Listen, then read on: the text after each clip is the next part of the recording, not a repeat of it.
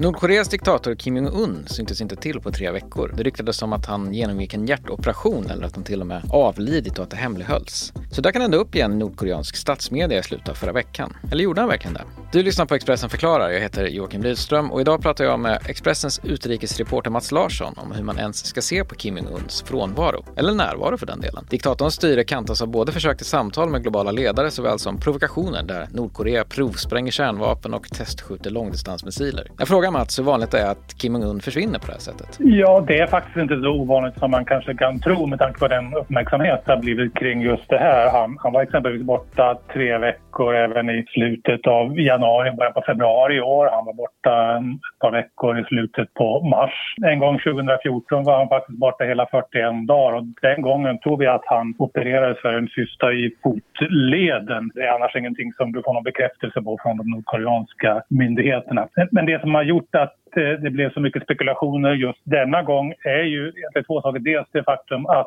den 15 april så var det födelsedag för Nordkoreas grundare tillika Kim Jong-Uns farfar Kim Il-Sung. Och det är en viktig dag i den nordkoreanska kalendern, kallas solens dag. Och eh, då har hittills alltid Kim Jong-Un dykt upp vid eh, Kim Il-Sungs mausoleum för att hedra sin farfar och även sin far Kim Jong-Il som ligger där. Men i år så syntes han inte till. Och sen har du en eh, sydkoreansk Eh, nyhetswebbsajt som heter Daily NK som påstod att eh, Kim Jong-Un den 12 april genomgick en hjärtoperation och att det möjligen inte gick så bra att han till och med möjligen hamnat i koma och till och med var död. Precis, det har uppgetts att han genomgick den där operationen. Och hur mycket substans finns det i den eh, nyheten? Ja, det, det, är väldigt svårt att bedöma. Det finns inga utländska medier som har några källor i kretsen kring Kim Jong-Un. Daily NK är Sydkorea-baserad och har regel anonyma källor i Nordkorea men det har hänt ett antal gånger förr att sydkoreanska medier har helt fel i saker som de påstår om, Eh, händelser i Nordkorea. Det man kan notera den här gången är att eh, även om det var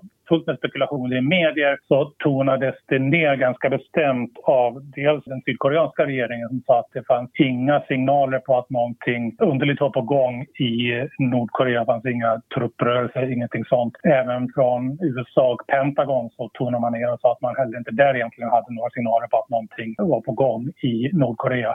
Och eh, det verkar möjligen som att det trots allt stämde för nu har han ju dykt upp igen. Ja, i förra veckan dök Kim Jong-Un eh, upp i nordkoreansk statsmedia. Han sågs inviga en konstgödselfabrik. Han såg ju väldigt välmående ut för att, om det nu stämmer då, ha genomgått en hjärtoperation. Så hur sannolikt är det att de här bilderna på Kim Jong-Un är nytagna? Ja, för Nordkorea-experter som nu har studerat om det var dels eh, stillbilder och dels eh, rörliga bilder, de säger att de verkar rätt övertygad om att det verkligen är Kim Jong-Un. Det är alltså ingen dubbelgångare vi ser och att de antagligen är från just eh, i fredags den första maj och att alltså han, är, han är tillbaka. Sen vad som föranledde eh, de här tre veckorna då han inte var närvarande, det vet vi egentligen ingenting om. Notera, han är ju eh, fortfarande rejält överviktig så där har ingenting hänt. Han sägs väga mellan 130 och 140 kilo. Det fanns också ett cigarettpaket på någon av bilderna så han verkar fortfarande röka. Båda de här faktorerna, rökning och övervikt, är ju eh, riskfaktorer i dessa coronavirustider och det har ju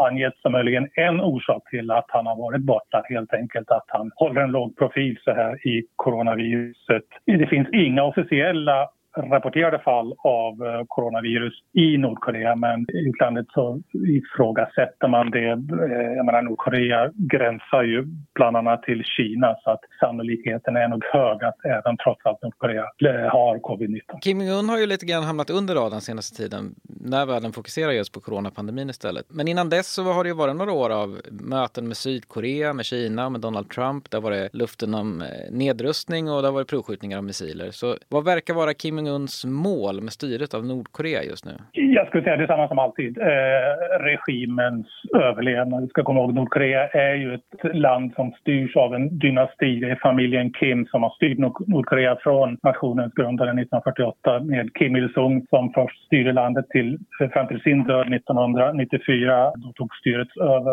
av eh, sonen Kim Jong-Il som styrde Nordkorea fram till 2011 då sonsonen Kim Jong-Un fick eh, ta över är inte ens 30 år fyllda då. Och det har alltid varit det yttersta syftet att, att, att regimen ska överleva. Målet är att få någon slags säkerhetsgarantier från USA. Det är bland annat därför som man utvecklar eh, kärnvapen, skaffar sig en rejäl eh, arsenal för att man ser det som en garanti att USA inte ska våga anfalla landet. Eh, de, Nordkorea har sett exempelvis vad som har hänt i Irak under Saddam Hussein, ett land som inte hade kärnvapen och som till slut anfalls av, av USA. Och sen målet också att utveckla eh, ekonomin. Det har varit en del försiktiga reformer i Nordkorea. Om Kim Jong-Un skulle dö, eh, vilket det spekulerades i om att han kunde ha gjort faktiskt nu då. Vem är det som tar över i Nordkorea då? Den som tros stå Kim Jong-Un närmast för tillfället det är hans yngre syster Kim Yo-Jong. De eh, studerade samtidigt i Schweiz på 1990-talet och tros ha kommit varandra nära där. Hon har varit ansvarig bland annat för uh,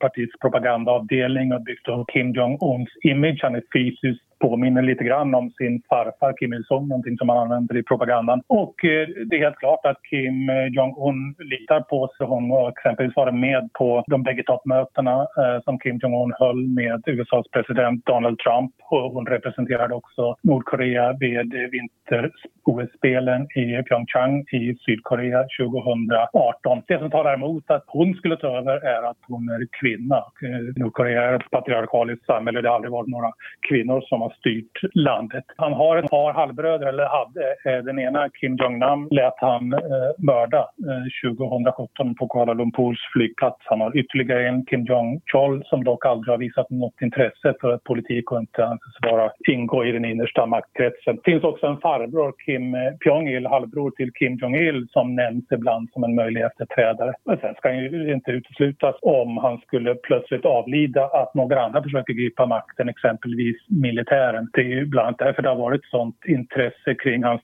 frånvaro och att även en hel del trots allt nog drog en rättande suck när bilder nu dykt upp på Kim Jong-Un igen. För att skulle han plötsligt avlida så riskerar vi att gå in i en, en period av instabilitet i Nordkorea och det är ett land med kärnvapen, det får vi inte glömma. En av dem som har uttryckt sin lättnad är bland annat eh, USAs president Donald Trump som gladde sig över att återfå se Kim Jong-Un. Hur sannolikt är det att Nordkorea på sikt öppnar upp sin isolering för omvärlden tror du? Nej, inte inte särskilt sannolikt så länge Kim Jong-Un sitter vid makten. Nordkorea har alltid varit ett väldigt isolerat land och internet eh, kom på 90-talet. Eh, det har inte på något sätt öppnat upp Nordkorea. Smarta telefoner kom för över tio år sedan. Inte heller det har på något sätt påverkat landet. Men med detta sagt så sker det reformer ändå i Nordkorea. Nordkorea är inte anslutet till eh, internet men man har ett eget intranät. Så det finns exempelvis eh, viss e-handel där man kan man shoppar on, online. Även en omfattande eh, byggverksamhet, inte minst i huvudstaden Pyeongchang, eller Pyongyang. Lite mer färg i stadsbilden i Pyongyang. Samtidigt så har han skärpt kontrollen i gränserna och, och skärpt straffen för de som försöker ta sig ut. Så att eh, Kim Jong-Un vill utveckla landet ekonomiskt men det, inte, det, kommer inte att ske till priset av att landet på något vis öppnar upp sig mot eh, resten av världen. Du har lyssnat på Expressen förklarar, en podd där vi i varje avsnitt fördjupar en specifik sak i nyhetsflödet. Du kan följa Expressens övriga nyhetsbevakning på Expressen.se, i vår app och i Expressen TV.